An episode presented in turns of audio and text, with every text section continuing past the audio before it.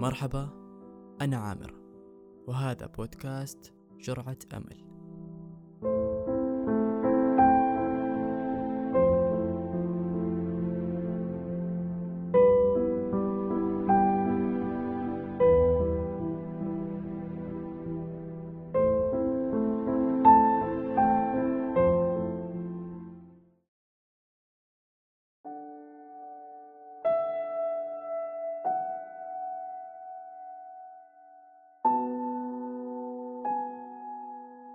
مقولة نسمعها دائما لكن أحيانا ما نضرب لها أي حساب. لكنها مهمة ومهمة جدا. إحنا كبشر مستحيل نطلع على القلوب فلا يعلم من في القلوب إلا ربها سبحانه وتعالى. الحسد موجود ومعنى الحسد بشكل عام هو تمني زوال النعمة من شخص. وممكن يكون الحسد من غير قصد لكن عواقبه تكون وخيمة وهو فشل ما تتمنى حدوثه. فلذلك داروا أموركم بالكتمان. خطوتك اللي بتمضيها في سبيل تحقيق إنجازك لا تقولها لأحد. احتفظ بخطوتك وتقدمك لنفسك حتى تنجز هذا الشيء. طيب إيش الفائدة من إنك تكتم خطوتك في تحقيق هدف معين أو إنجاز؟ في حال فشلت في مرتك الأولى ما يجي أحد يضبط معنوياتك لأنك لو كنت راغب الشيء هذا راح تسعى له مرة ومرتين وثلاثة. حتى تنجزه. ما حد راح يجي ويخليك تفقد الأمل في سعيك لإنجازك. ولو كنت راغب وبشدة إنجاز هذا الشيء ممكن المرة الأولى أو الثانية ما تعطي كلامه اهتمام. لكن كثر الدق يفك اللحام. لين يبدأ عقلك الباطني يتبرمج بكلامه بكذا تفشل في تحقيق إنجازك. اتجنب الشماتة من الناس السلبيين اللي حولك. في مقولة عجبتني لأحد الحكماء يقول فيها ما ندمت على سكوتي مرة ولكن ندمت على الكلام مرارا.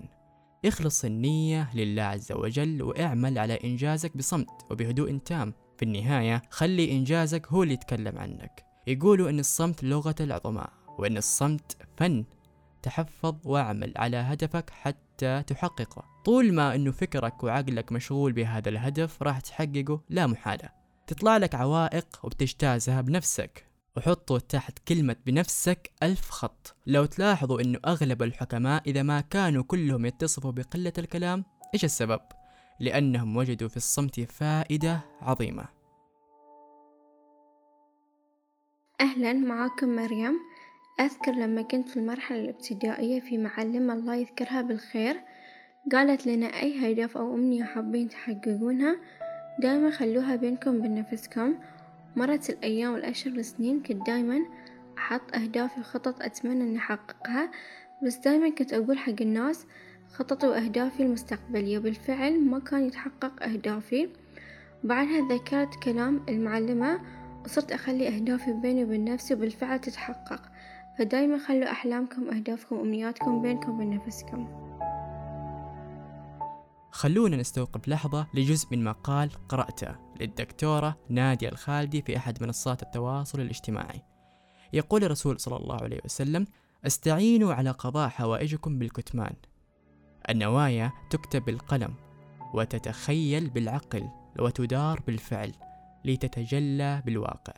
لذلك النوايا معادلة حسابية منطقية تحسب بالمقدار الدقيق وتعطي نتيجة مثالية. لذلك افهم قانون النية جيدا الذي ينص على لا تخبر أحدا إلا من تثق بمساعدته ودعمه لا تؤجل العمل بل ابدأ فيه على الفور.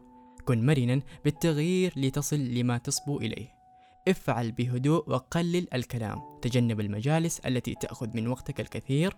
وتذكر الناجح لا يتحدث كثيرا لأنه يعمل أكثر ولا يصاحب كثيرا لأنه قريب من نفسه أكثر. ولا يضيع وقته فوقته ثمين بشكل أكبر.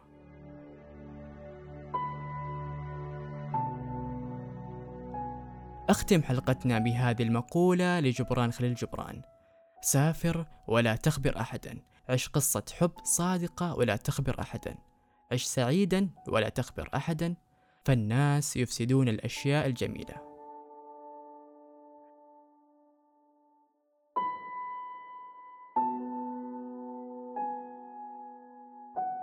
شاركونا المواقف اللي تلامس موضوعنا هذا في حساباتنا التواصل الاجتماعي. عزيزي المستمع كن بخير.